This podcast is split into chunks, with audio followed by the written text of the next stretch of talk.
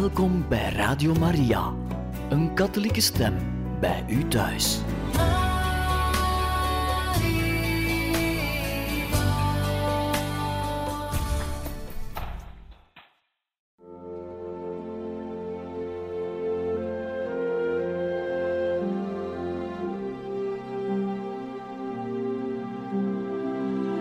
Beste luisteraars van Radio Maria, welkom bij het programma Catechismus. Een overweging bij de geloofschat van de kerk.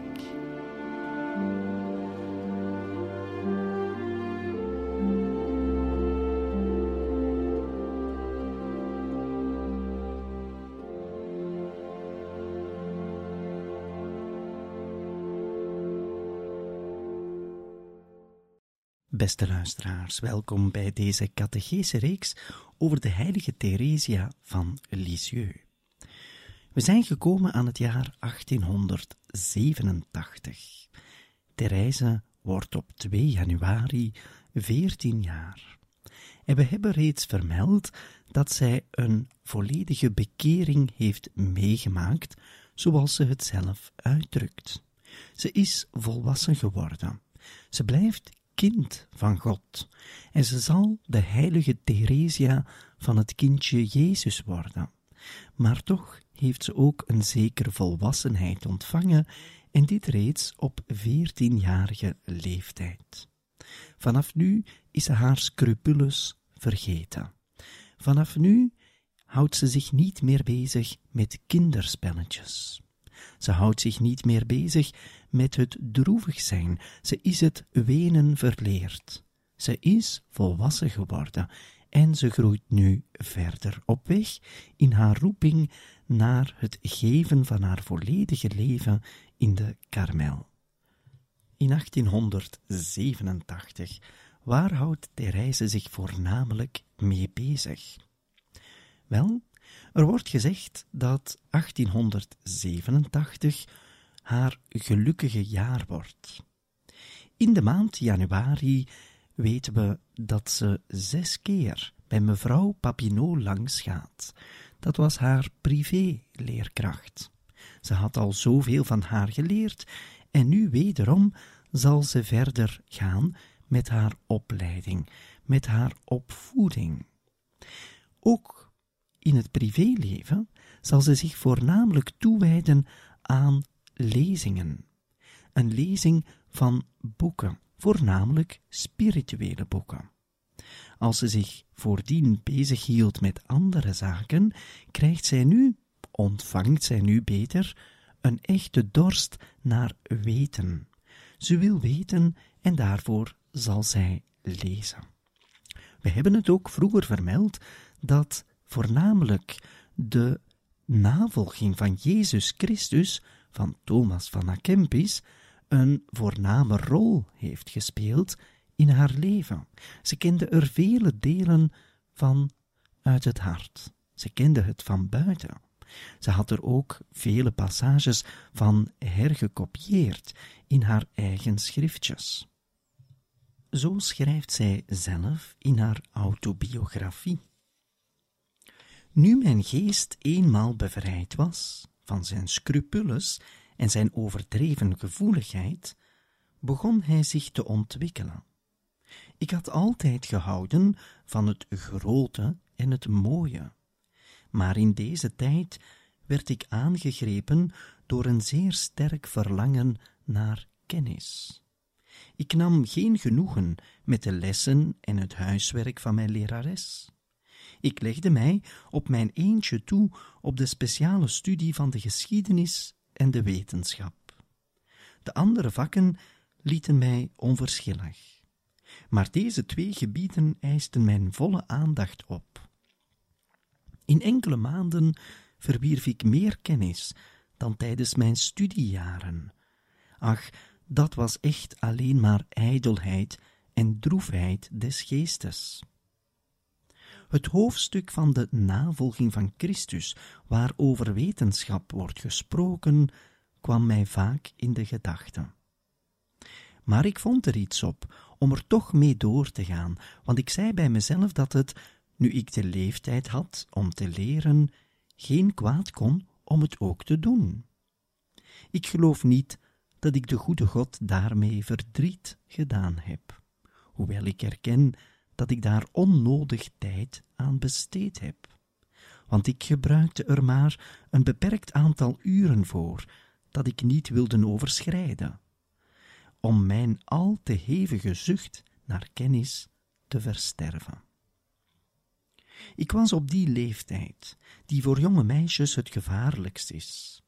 Maar de goede God deed voor mij wat Ezekiel in zijn profetieën vertelt. Langs mij heen gaande zag Jezus dat de tijd voor mij was gekomen, dat ik de liefde moest leren kennen. Hij heeft toen een verbond met mij aangegaan, en ik ben de zijne geworden. Hij heeft zijn mantel over mij uitgestrekt. Hij heeft mij gewassen met kostbare reukzalf. Hij heeft mij gekleed in geborduurde kleren. Hij heeft mij snoeren en versierselen gegeven, die onbetaalbaar zijn. Hij heeft mij gevoed met het zuiverste meel, met honing en olie in overvloed.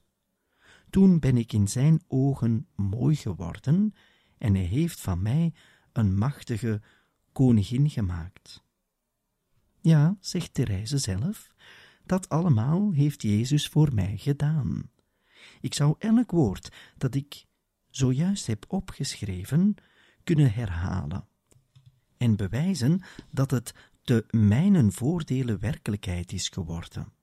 Maar de genaden die ik hierboven verteld heb, vormen daar voldoende bewijs voor. Theresia is veertien jaar. In die tijd, het einde van de negentiende eeuw, begonnen meisjes zich af te vragen of ze moesten gaan trouwen. Vaak zochten ze misschien al een partner. Ook al was men jong, men ging al georiënteerd naar de toekomst kijken. En voor Therese is dat niet anders. Maar haar hart is van Jezus en ze zal volledig van Jezus willen zijn. En dat beschrijft zij met de woorden van de profeet Ezekiel. Jezus zal voor Therese alles zijn. En het is Jezus die het zo zal voorzien. Zij zal alleen maar haar ja-woord schenken, in navolging zeg maar van het ja-woord van de heilige maagd Maria. En ze zal zich dus verdiepen, verdiepen in kennis. Sommige kennis is ijdel. Maar de kennis die Therese zal opdoen, is een kennis die noodzakelijk is om te groeien in het geestelijke leven. Vergeten we vooral niet die onbeschrijfelijk mooie lezing van de navolging van Christus. Hierover zegt Therese zelfs het volgende. Ik wil alleen maar spreken over het voedsel dat Jezus mij in overvloed heeft gegeven. Al een hele tijd voedde ik mij met het zuivere meel dat te vinden is in de navolging. Dat was het enige boek dat mij goed deed. Want ik had toen de schatten die in het evangelie verborgen zijn, nog niet gevonden. Ik kende bijna alle hoofdstukken uit mijn dierbare navolging van buiten. Dat boekje had ik altijd bij mij. Zomers had ik het in mijn zak en swinters in mijn mof, en het was voor mij dan ook spreekwoordelijk geworden. Bij tante thuis vermaakte zij er zich vaak mee door het zomaar ergens open te doen en mij het hoofdstuk te laten opzeggen dat hun onder ogen kwam. Het belang van deze navolging, wel dat zien we in het leven van vele heiligen. Misschien eens de moeite om er zelf ook eens uit te lezen. De navolging van Christus van Thomas van Akempis. Maar er was nog een auteur die een groot belang heeft gespeeld in het jonge leven van Therese. En het gaat hier over een Franse priester, namelijk kanuniek Charles Armingeon. Hij heeft conferenties gegeven op een bepaald moment in de kathedraal van Chambéry. En daar is een boek van gekomen. Die handelde over het einde van de wereld en de grote mysteries van het toekomstige leven. En dit boek zal door de karmelitessen gegeven worden aan vader Louis Martin, de vader van Therese. Maar het is Therese die het boek zal lezen. En haar enthousiasme is enorm. Ze zal er zoveel vreugde in vinden dat ze hierdoor zal groeien in liefde voor het grote mysterie van God en het grote mysterie van het eeuwige leven. Zo dadelijk, na de pauze, zullen we het even hebben over dat boek, dat een grote rol heeft gespeeld in de groei, de geestelijke groei, van Therese van Lisieux.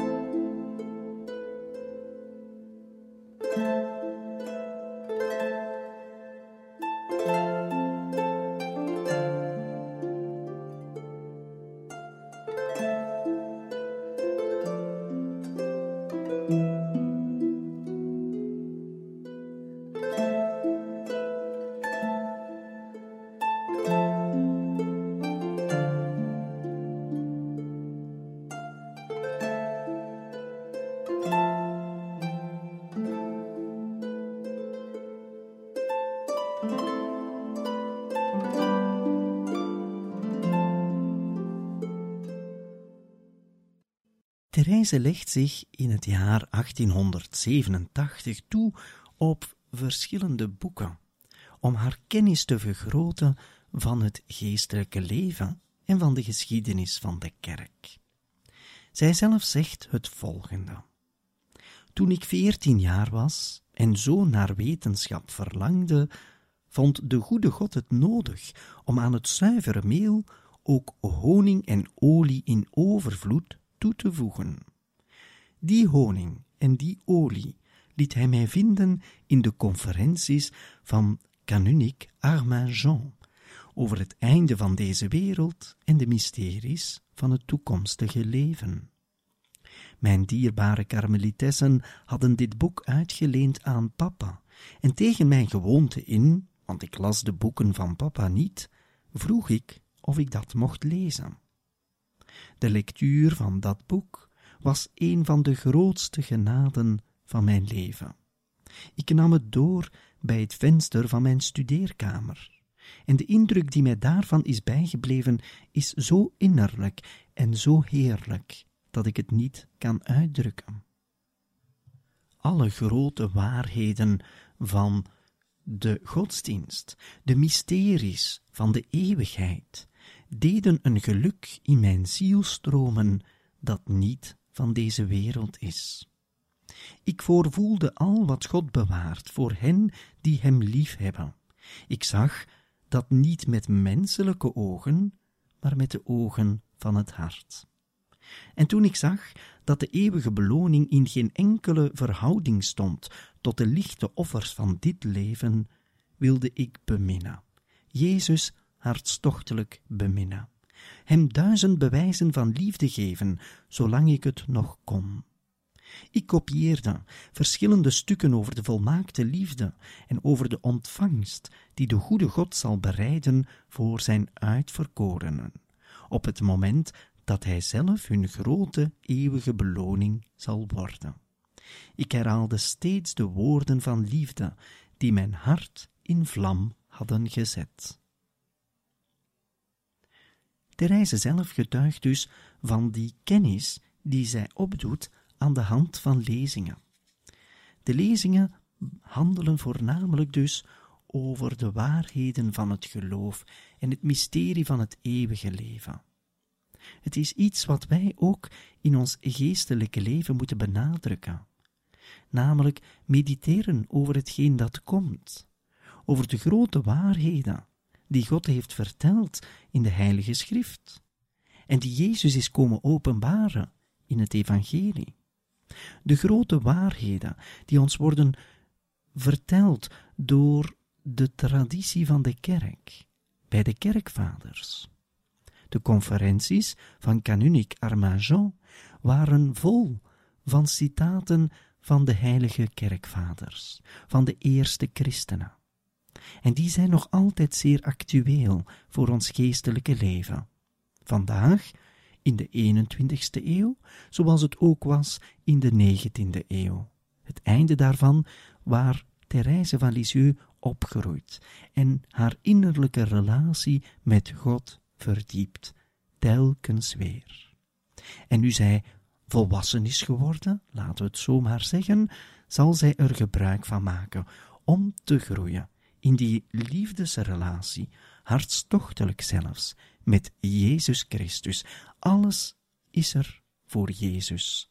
En ook bij ons is dat een uitnodiging om ons hart elke dag opnieuw te richten naar die liefde van God die is aangetoond in het grote offer dat Jezus is komen brengen door mens te worden, gelijk aan ons. Naast de lezingen, die Therese aanhaalt als verdieping van haar geloof, zal natuurlijk in haar geestelijke leven ook iets anders heel belangrijk zijn. En dat is haar dorst naar de Eucharistie. Eucharistie, het grote sacrament dat wij als geschenk van Jezus Christus hebben ontvangen. Een geschenk dat Hij zelf is. Hij geeft zichzelf aan ons. En o, zo weinig wordt er aandacht aan besteed in onze maatschappij, dat God nog altijd met ons is, tot aan het einde der tijden. Jezus is elke dag bij ons. Wij kunnen Hem ontvangen, wij kunnen naar Hem kijken, wij kunnen naar Hem luisteren. Therese heeft naast haar dorst tot een dieper geestelijk leven voornamelijk een grote dorst naar een ontmoeting met haar Jezus. En van haar biechtvader kreeg zij de toelating om vaak te communiceren. Zo zal ze toch vaak, zeker voor die tijd heel vaak, de communie ontvangen, verschillende malen per maand. In totaal werd er geschreven dat zij in de maand mei van 1887 tot vier keer de communie mocht ontvangen en andere maanden zelfs tot vijf keer. Hetzelfde gebeurde trouwens bij haar zus Céline. Het was altijd de biechtvader die een autorisatie gaf, een toestemming gaf om ter communie te gaan, en dit gebeurde voornamelijk voor de grote feesten. In de maand mei zullen de zussen heel vaak de communie ontvangen. Tegelijkertijd zullen ze zeer getrouw zijn in de dagelijkse mis van zeven uur s morgens. De twee zussen hebben dan ook een zeer sterke band kunnen opbouwen in dat jaar 1887. We lezen even wat Therese zelf over deze relatie met haar zus Céline schrijft. Jezus wilde ons samen vooruit laten gaan en verbond onze harten met banden die nog sterker waren dan die van het bloed. Hij liet ons zielezusters worden. In ons werden deze woorden uit het geestelijk hooglied van Sint-Jan van het kruis bewaarheid. Sprekende tot de bruidegom roept de bruid uit, uw voetspoor volgend lopen de meisjes vlug voort over de weg. De aanraking met uw vonken en de gekruide wijn doen verlangens ontstaan die geuren naar goddelijke balsem. Ja, we hebben de sporen van Jezus heel vlug gevolgd. De vonken van liefde, die Hij met volle handen in onze zielen zaaide, de heerlijke krachtige wijn die Hij ons te drinken gaf, deed alle vergankelijke dingen voor onze ogen verdwijnen. En onze lippen fluisterden liefdesverzuchtingen die Hij ons ingaf. Wat een heerlijke gesprekken hadden wij elke avond op de Belvedere. Onze blikken zweefden naar de verten. We zagen de heldere maan heel langzaam achter de hoge bomen opkomen.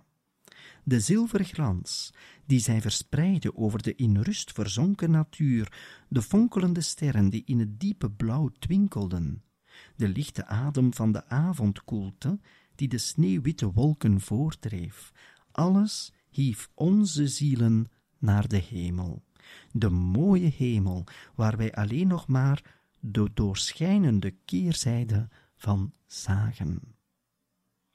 We hebben deze passage reeds in een vorige catechese gelezen, om de diepe band tussen de twee zussen te benadrukken.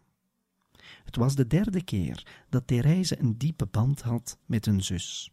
Eerst met Pauline, dan met Marie, nu met Céline. En die band wel, die wordt eigenlijk voortgebracht door Jezus zelf en door het geestelijke. Ze hebben geestelijke gesprekken. Ze spreken over de hemel. Ze spreken over het evangelie. Ze spreken over Jezus. Ook voor ons een uitnodiging om misschien iets vaker over het goddelijke te spreken.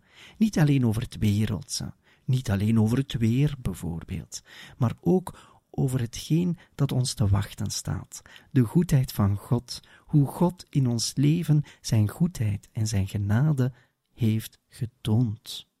Therese, vanaf haar veertiende jaar, zal eigenlijk alleen daar nog maar mee bezig zijn, met God en zeer speciaal met Jezus Christus, de Zoon van God, mens geworden zoals wij, met wie zijn innige relatie zal aangaan, hartstochtelijk zelfs.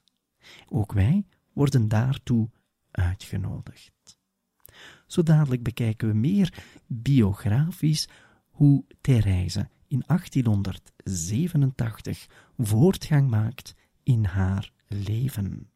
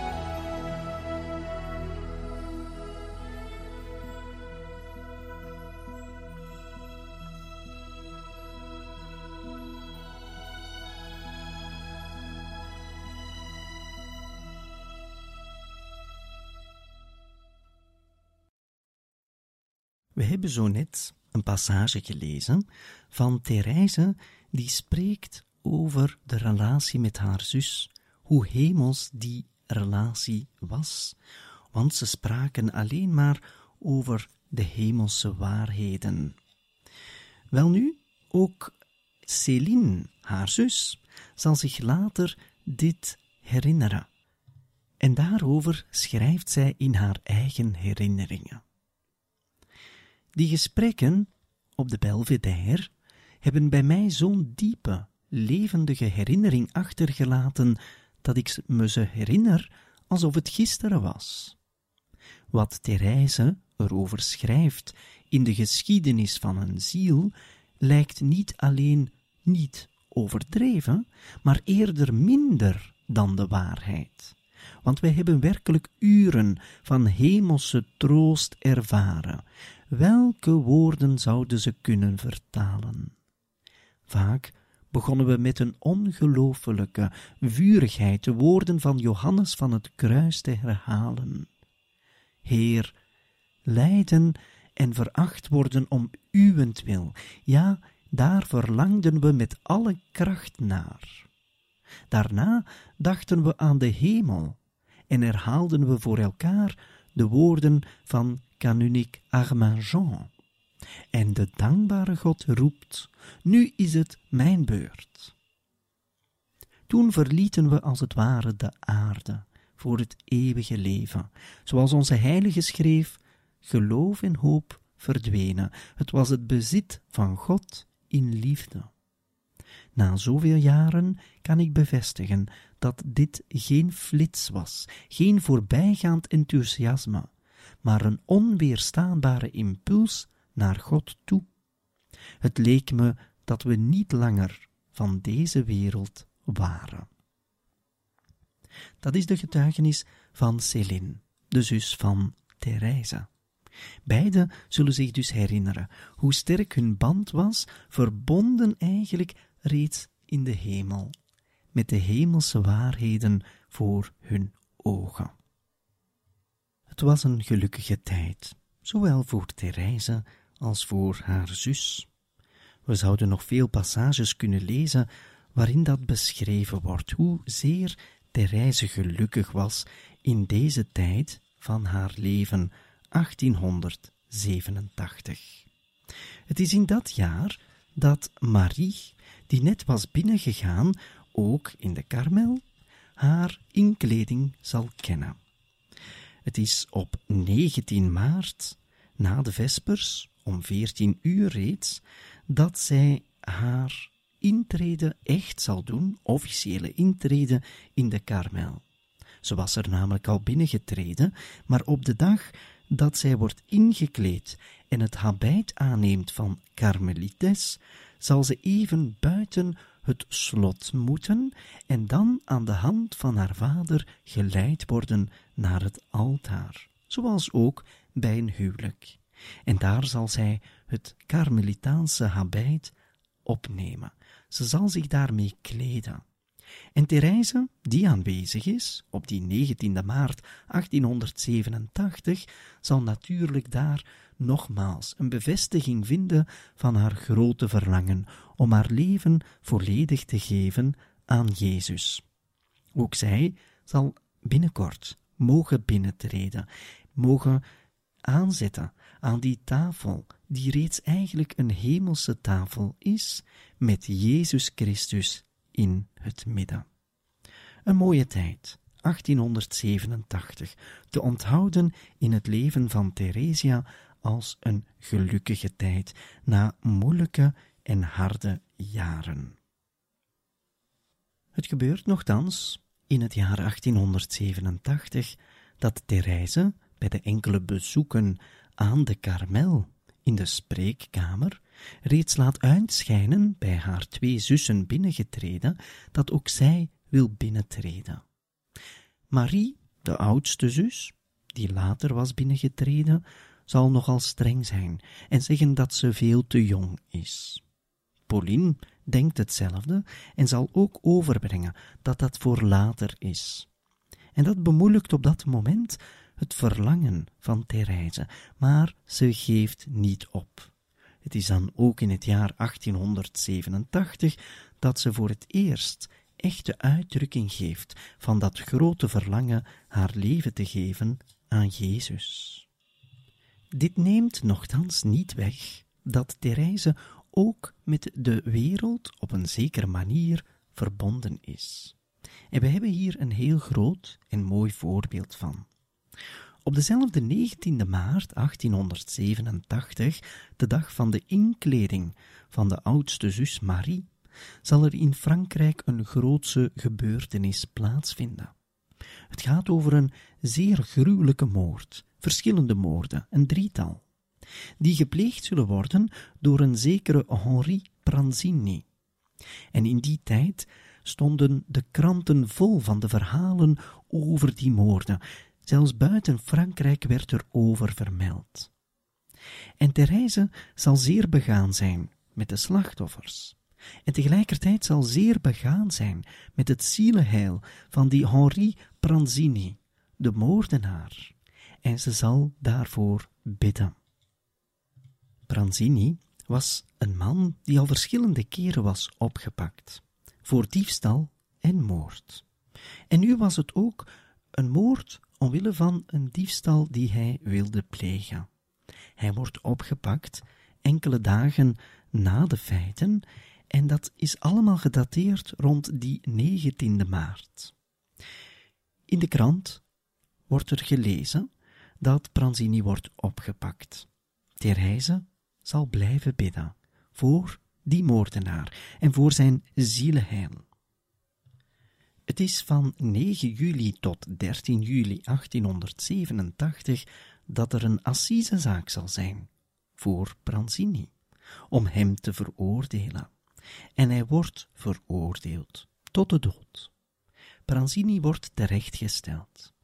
En het leek, ook in de kranten werd het zo beschreven, dat Pranzini geen enkele spijt had over zijn daden. Hij had zich dus ook niet bekeerd. En het is voornamelijk dat laatste punt dat Therese ter harte gaat. Iedereen moet ooit bij onze lieve Heer verschijnen. Iedereen. Maar hoe is het mogelijk dat men niet zich bekeert hier op aarde om die ontmoeting met God voor de eeuwigheid te laten duren? En dus, ze versterkt haar gebed. Ze vergroot haar gebed. Ze wil niet dat Pranzini in de hel terechtkomt. En we lezen even wat ze er zelf over schrijft. Ik hoorde over een grote misdadiger spreken, die zo pas ter dood was veroordeeld, wegens verschrikkelijke wandaden. En alles wees erop dat hij de dood in zou gaan zonder berouw te hebben. Ik wilde tot elke prijs verhinderen dat hij in de hel terecht zou komen, en om dat te bereiken wendde ik alle denkbare middelen aan. Ik voelde wel dat ik uit mezelf niets kon doen. Daarom bood ik de goede God alle oneindige verdiensten aan van onze Heer, de schatten van de heilige kerk. Verder vroeg ik Céline om een mis te laten opdragen te mijner intentie want zelf durfde ik dat niet te vragen, omdat ik bang was dan te moeten zeggen dat het voor Pranzini was, de grote misdadiger. Ik wilde het evenmin aan Céline vertellen, maar zij stelde mij zulke lieve en dringende vragen dat ik haar mijn geheim toevertrouwde. In plaats van mij uit te lachen, vroeg zij of zij mij mocht helpen om mijn zondaar te bekeren.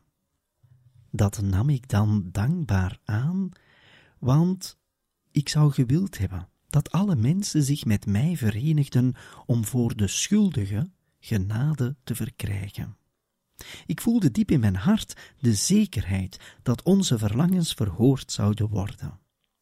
Maar om mijzelf moed in te spreken, om vol te houden met voor de zondaars te bidden, zei ik aan de goede God dat ik er heel zeker van was dat hij aan de arme ongelukkige Pranzini vergeving zou schenken, en dat ik dat geloven zou, zelfs wanneer hij geen biecht zou spreken en geen enkel bewijs van berouw zou tonen. Zoveel vertrouwen had ik in de oneindige barmhartigheid van Jezus. maar ik vroeg hem alleen een teken van berouw, alleen om mij gerust te stellen. Mijn gebed werd letterlijk verhoord. Hoewel papa ons verboden had om welke krant dan ook te lezen, dacht ik toch niet ongehoorzaam te zijn toen ik de stukken las die over Pranzini gingen. De dag na zijn terechtstelling komt het dagblad La Croix mij in handen. Ik sla het haastig open en wat zie ik? Ach, mijn tranen verrieden mijn emotie en ik zag mij genoodzaakt om mij af te zonderen. Pranzini had niet gewicht. Hij was het schavot opgegaan en maakte zich gereed om zijn hoofd door het lugubere gat te steken, maar plotseling keerde hij zich om, greep een crucifix dat een priester hem voorhield en kuste driemaal de heilige wonde.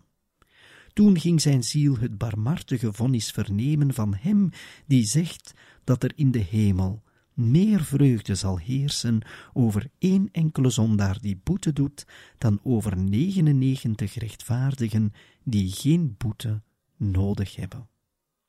Ik had het gevraagde teken gekregen en dat teken was de getrouwe weergave van genaden die Jezus mij verleend had, om mij ertoe te krijgen te bidden voor de zondaars.